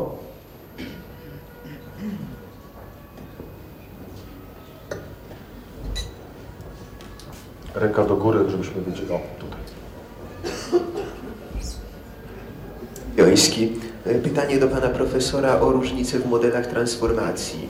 W skrócie transformacja chińska Xiaopinga zostawiamy partię, usuwamy komunizm, zastępujemy rynkiem. Transformacja polska się nazywa dekomunizacja, czyli usuwanie ulic Armii Ludowej i zabieranie emerytury byłym SB-kom. Zostawiamy sobie bez, y, stertę bezpłatnych dla obywateli oczywiście, dóbr publicznych, za które płacimy 40 niemalże procentowe podatki i zostawiamy sobie przedsiębiorstwa państwowe. Dlaczego te modele aż tak się różnią? Dlaczego tak to się u nas potoczyło?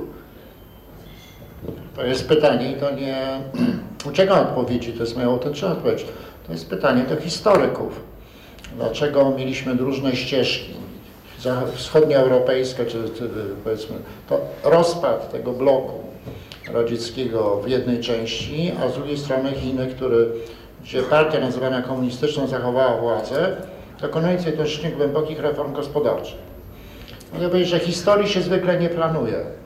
Mało kto jest w stanie panować nad historią. Na pewno w Polsce w pewnej mierze ta historia ukształtowała się pod wpływem tego, co było w Polsce. Pierwsza Solidarność, ale też nie możemy powiedzieć, że w 100% wszystko było przez nas zaplanowane. Ja sam pamiętam, że jeszcze w 88, nawet w 89 roku nie, ma, nie zakładałem, że Polska będzie wolna za rok. To jest po pierwsze. Po drugie, jeżeli jednakże porównujemy, to ja bym powiedział tak, o wiele lepiej mieć jednocześnie demokratyzację i wolności obywatelskie i rynkową reformę, niż tylko mieć reformę, rynkowe reformy bez wolności obywatelskiej. Nie powinniśmy sądzić, że e, to, co się dzieje w Chinach, to znaczy ten szybki wzrost gospodarczy, szybszy niż na przykład e, przeciętnie, niż przeciętnie w, Euro, w naszej części świata, wynika, tylko z wynika głównie z faktu, że Chiny nie, w Chinach nie było demokratyzacji, a tylko ograniczenie się do reformy gospodarczej. To byłby błędny wniosek. Dlatego, że duże, po- y, nie jesteśmy w stanie powiedzieć, że gdyby przypadkiem tam nie było demokratyzacji, to by nie było tak przechodzenia do kapitalizmu. Najprawdopodobniej byłoby przechodzenia do kapitalizmu. To jest po pierwsze. Po drugie, choć nie wiemy, jak to by wyglądało w tamtych warunkach. Po drugie, duża część tego przyspieszenia chińskiego była związana z warunkami początkowymi, które były niezależne od przemian politycznych, a mianowicie w Chinach w końcu lat 70. Y, Ponieważ to był kraj stosunkowo przecież biedny, większość ludności pracowała w rolnictwie, w odróżnieniu od naszej części świata. To rolnictwo wówczas było zorganizowane w absurdalne maoistowskie komuny, gdzie wynagrodzenie nie zależało od indywidualnego wkładu pracy i w związku z tym nikomu się nie opłacało pracować, ale jednocześnie było technicznie proste. Gdy podjęto decyzję o de facto prywatyzacji, to ta decyzja dotyczyła największego sektora gospodarcy i mogła dać szybkie efekty i dała rzeczywiście, czyli by to pierwszy etap był niesamowity, uruchomił wielkie siły napędowe. Tego się nie dało powtórzyć w Europie Środkowo-Wschodniej, bo była zupełnie inna struktura gospodarki. Rolnictwo odpowiadało za dużo mniejszą część, a na dodatek było technicznie dosyć złożone. Mówię zwłaszcza o tych krajach, gdzie zostało skolektywizowane. Więc duża część sukcesu chińskiego, zwłaszcza w pierwszych latach, nie wynika z faktu, że tam nie było demokratyzacji, tylko wynika z faktu, że mieli szczególną strukturę początkową gospodarki. Tak. Bardzo proszę, to kolejne pytanie. Dobry wieczór. Ja już jestem niestety byłem studentem SGH, ale też mam krótkie pytanie dotyczące własności państwowej w gospodarce. Pan profesor wspomniał dzisiaj, że e, własność prywatna jest bardziej efektywna niż państwowa i pełna zgoda. Natomiast w sytuacji, gdy stawiamy pytanie, czy porównujemy efektywność gospodarowania. Natomiast czasami może być y, inne kryterium porównania. Na, na przykład to, w jaki sposób możemy wykorzystać przedsiębiorstwo, które jest państwowe. Przykład z ostatniego czasu, z kryzysu 2009 y, rok, kryzys, walut, y, kryzys gospodarczy zaczyna szaleć. Banki wstrzymują akcję kredytową, zachowują się skądinąd racjonalnie. Ja jako właściciel banku też bym chciał, żeby w sytuacji podwyższonego ryzyka bardziej uważnie analizować. Bank PKO BP nie. I teraz, i tu się pojawia pytanie, że rzeczywiście efektywnościowo banki prywatne pewnie wykazały za ten okres lepsze wyniki finansowe niż bank PKO. Z drugiej strony bank PKO z perspektywy ministra zadziałał słusznie, bo stymulował gospodarkę, czy jakby nie zadziałał hamująco. I teraz pytanie brzmi, czy Pana zdaniem istnieją sytuacje, sektory albo branże, w których warto pozostawiać niektóre przedsiębiorstwa państwowe, właśnie po to, żeby rozumiejąc minusy, czyli gorsza efektywność i ryzyko, że to jest polityczne miejsce obsadzania y, nominatów politycznych, ale mając takie korzyść w postaci narzędzia, które można wykorzystać, czy warto, wa, warto takie państwowe, wybrane przedsiębiorstwa pozostawiać? Nie będę się wypowiadał z oczywistych względów na temat banku PKO BP. No to przykład. Nie, nie, to jest tylko kolego początek. Natomiast chcę powiedzieć, że twierdzenia, które Pan tu odtworzył, e, że w pewnych szczególnych przypadkach, takie jak jakoby te, te które zaistniały tam dwa lata temu, potrzeba banku państwowego, żeby zwiększał podaż kredytu, są nietrafne, dlatego że wbrew początkowym obawom, niektórych, nie wszystkich, banki zagraniczne, te banki, których właścicielami są instytucje zagraniczne, nie zakręciły tego kurka.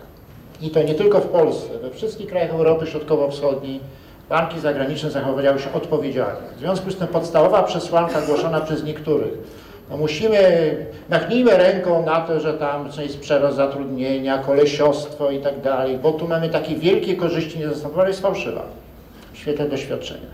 Druga rzecz jest taka, i ona dotyczy w ogóle teorii państwa. Otóż państwo powinno być ograniczone, szczególnie w takim sensie, jak najmniej arbitralnej władzy. Własność państwowa to jest własność przez telefon. Najczęściej to jest przez telefon. Nie, strasznie, ja nie wierzę, bardzo trudno jest tak to zaprojektować, żeby uniknąć wykorzystywania władzy, jaką daje własność państwowa politykom, do tego, żeby oni nie wykorzystywali tego arbitralnie. A nawet jeśli tak by się udało, co jest rzadkie, może się udało w Norwegii, tak niektórzy twierdzą, i na tym przypadku opierają ogólne teorie, to i tak nie jest dobry substytut, albowiem dobra własność prywatna ma dwie cechy. Ona jest, to jest własność czynna w kierunku efektywnościowym. Być może jest rzeczą możliwą, choć trudno spowodować, że właściciel państwowy będzie pasywny, to znaczy nie będzie interweniował źle, ale nie zastąpi to tego dobrego nadzoru efektywnościowego, bo struktura bodźców, o czym mówi teoria e, public choice i inne mnóstwo badań empirycznych, nie da się po prostu odtworzyć.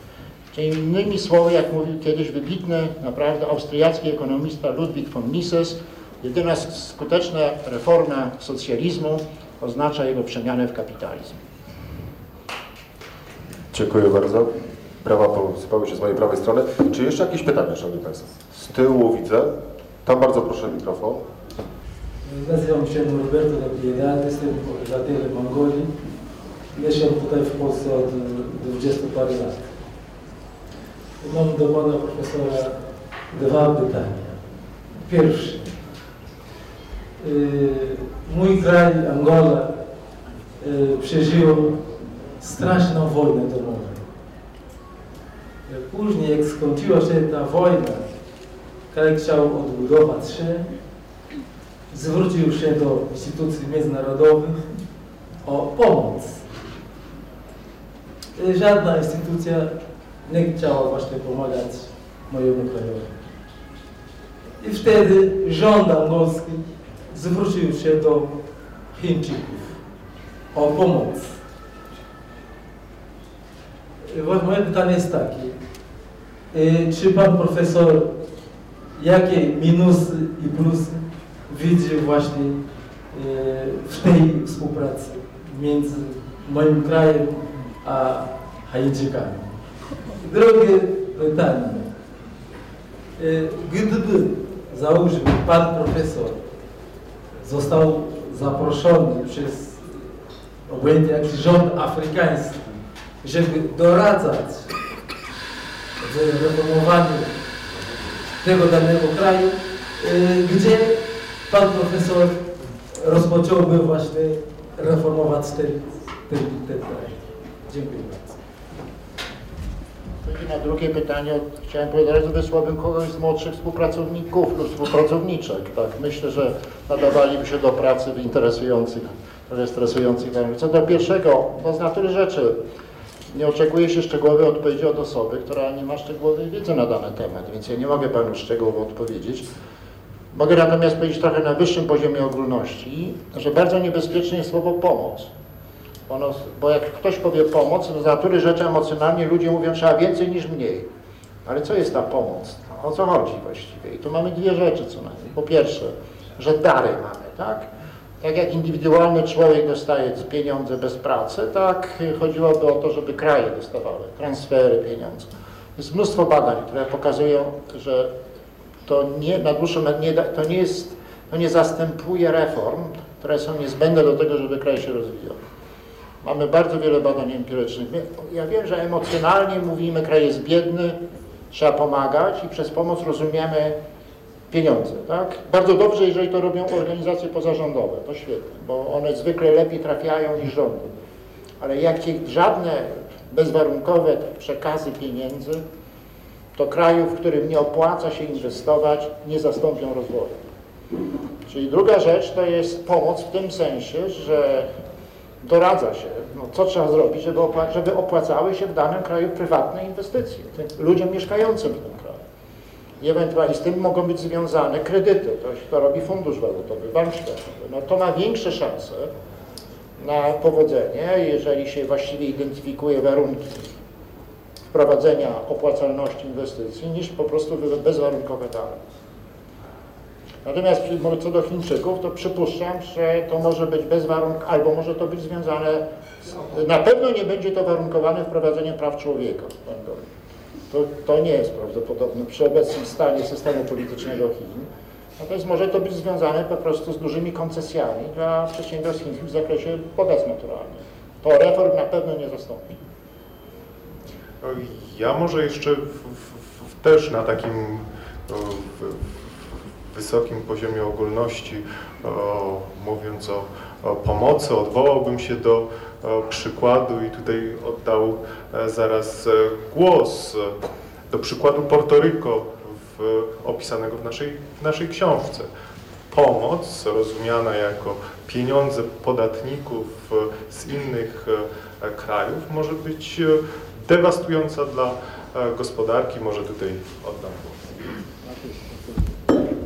Tak jak powiedziałem na wstępie, e, Portoryko od początku XX wieku jest protektoratem czy terytorium zależnym Stanów Zjednoczonych.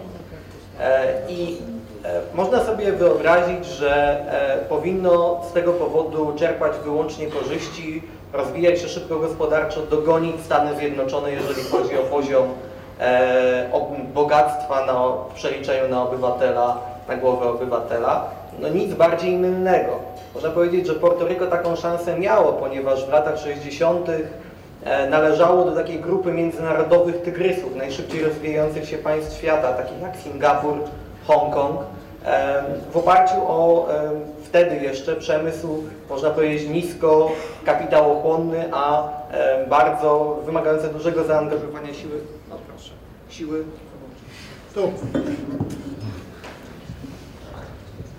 Siły roboczej, czyli tekstylia. Natomiast okazało się, że był to przemysł konkurencyjny do tego, co się działo w południowych Stanach e, Stanów Zjednoczonych. Jak na to zareagowali amerykańscy politycy? Otóż objęli Portoryko programem amerykańskiej płacy minimalnej. Czyli w kraju, gdzie przeciętny dochód czy też przychód na mieszkańca był kilkakrotnie niższy niż w Stanach Zjednoczonych, wprowadzono ten sam poziom płacy minimalnej co w Stanach. To doprowadziło do upadku, e, można powiedzieć, ludzkochłonnego przemysłu w e, Portoryko, zaprzepaściło szansę tego kraju na szybki rozwój i wygenerowało wielkie problemy społeczne, bardzo wysokie bezrobocie. Więc żeby nie zrobić tam, czy nie dopuścić w tym kraju do rewolucji, podsycanej zresztą swego rodzaju propagandą polityczną Związku Radzieckiego ówczesnego, który mówił, że Amerykanie tak po II wojnie światowej zachęcali wszystkich do wyzwalania się, a tu proszę bardzo, zaraz pod bokiem mają swoją kolonię w postaci Puerto Rico. Amerykanie zrobili tam podobny manewr, jak zrobiły Niemcy Zachodnie z Niemcami Wschodnimi. Olbrzymie transfery społeczne, E, w postaci na przykład kart żywnościowych, z których korzystało nawet do 90% e, portorykańskich rodzin w latach 70., 80., e, które można było za darmo wymienić na, na żywność. Jakie, jest, jakie są tego efekty teraz, nawet po okresie, w którym analizowałem wzrost gospodarczy w Puerto Rico? Otóż okazuje się, że najbardziej aktywni zawodowo i przedsiębiorczy portorykańczycy już wyemigrowali do Stanów Zjednoczonych. E, w Portoryko wskaźnik aktywności zawodowej e, ludzi w wieku produkcyjnym e, nie przekracza 55%, czyli jest bardzo zbliżony do Polski, co zresztą nie jest zbyt chlubne dla naszego kraju. Dodatkowo istnieje tam bardzo duża szara strefa, sięgająca około 30% 30% dochodu narodowego, tak jest to wstępnie szacowane. No i w końcu odsetek inwalidów wśród mężczyzn w wieku produkcyjnym e, osiąga wskaźnik około 12 do 15%, w zależności od tego, na jakie statystyki się patrzy. Jest to e, kraj, który został, czy też terytorium, które zostało zdemoralizowane wysokimi transferami społecznymi, gdzie nie opłaca się pracować, opłaca się dostawać e, wysokie świadczenia socjalne, po części wyłudzane, dorabiając w szarej strefie. To trzeba porównać z Polską Porto Rico i to może być adekwatne. I tu jeszcze pytanie jest z tej strony. Bardzo prosimy mikrofon na... A, to możemy się tym posłużyć. Dobrze. Pytanie, bo jest bardzo mm, często mówimy tutaj o własności. Panie profesorze, jak pan ym, zapatruje się na tę sławną propozycję Lecha Wałęsy 100 milionów? Nie mówię tutaj, żeby dostać pieniążki do ręki, ale na przykład w postaci aktu własności jakichś nieruchomości czy zakładów, yy, czyli również byśmy się stali wtedy właścicielami w tym kraju, yy, może w większym stopniu niż, yy, niż teraz. Yy, druga rzecz, prosiłbym pana profesora do stosunkowania się do tej kwestii że jesteśmy według raportu Banku Światowego jesteśmy w kraju, kraj na 12 miejscu co do eksportu, co do emigracji. W 2009 roku nasi, nasi rodacy, czyli ludzie, którzy nie widzą perspektyw w tym kraju, po prostu wyjeżdżają stąd, przysłali, przetransferowali 9,1 miliarda dolarów a od akcesji do Unii Europejskiej 30 lub 40 miliardów dolarów. I te e, banialuki, które Vincent Rostowski opowiada o wzroście gospodarczym, Zmierzajmy ku dobrze, e, to są, biorą się po prostu z transferu i tam napędzania popytu wewnętrznego przez transfery pieniędzy, ale to inna rzecz. E, czyli tak, pierwsze, pierwsze pytanie to jest co do tego pomysłu. A drugie? Drugie pytanie, co jak ewentualnie za kończyć tą emigrację, złą emigrację, która powoduje, że kształcimy tutaj ludzi, a oni niestety całą swoją energię, to co Pan mówił, pożytkują gdzieś indziej, bo to jest naprawdę największa, jedna z największych Dziękuję. naszych tragedii narodowych. Panie profesorze. Proszę Państwa, dwa sposoby. Zamknąć granicę, ale tego nie. Mówię Panu, jakie są sposoby. Ale ja rozumiem, że Pan nie, tego nie proponuje, tylko mówię, jakie są sposoby. Zamknąć granicę, ja tego nie proponuję a po drugie przyspieszyć rozwój, żeby luka w poziomie życia była jak najmniejsza i żeby ludziom nie opłacało się emigrować. Przypomnę, że 33 lat temu była masowa emigracja z Hiszpanii do Niemiec, Francji. Dlaczego? Bo Hiszpania była dużo biedniejsza wówczas niż te dwa rozwinięte kraje.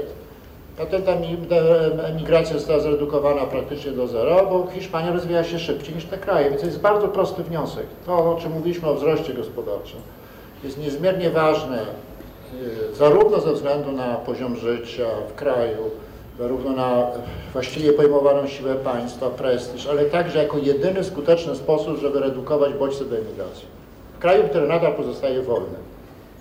Zamiast się więc oburzać, że ludzie wyjeżdżają, to jest korzystanie z wolności, ani nie, po, ani nie pochwala, ani nie potępia. Róbmy wszystko jako obywatele, żeby zniwelować bodźce do wyjazdu. Czyli Polska, żeby jak najszybciej doganiała kraje za morze. Taka jest stawka. A co do pierwszego, no Lech Wałęsa przedłożył jedną z propozycji nieodpłatnej prywatyzacji, bo to był pewien symbol. I ta nieopłatna prywatyzacja w pewnym innym wydaniu w Polsce była realizowana postaci Narodowych Funduszy chyba Inwestycyjnych. Tak, NFI. Nie mamy tylko na lokaty wydać niż kupić na na ale... Szanowni Państwo, to spotkanie autorskie Zagadki wzrostu gospodarczego, siły napędowej i kryzysu, analiza porównawcza. Mam nadzieję, że choć kilka z tych zagadek zostało dzisiaj e, rozwianych. Ja przypomnę, to praca zespołu autorskiego Leszek Balcerowicz, Filip Berkowski, Paweł Cwalina, Kamil Czop, Marcin Hołda, Paweł Kozub, Anna Kurowska, Aleksander Łaszek, Agnieszka Łyniewska, Andrzej Żońca, Jakub Szeliga. Bardzo przepraszam wszystkich Państwa, którym zabrałem pytania, nie wiedziałem. Obiecuję więcej tego nie robić, a jeżeli ktoś z Państwa ma przyjemność w tej chwili autograf autorów, są do Państwa dyspozycji. Bardzo Państwu dziękujemy.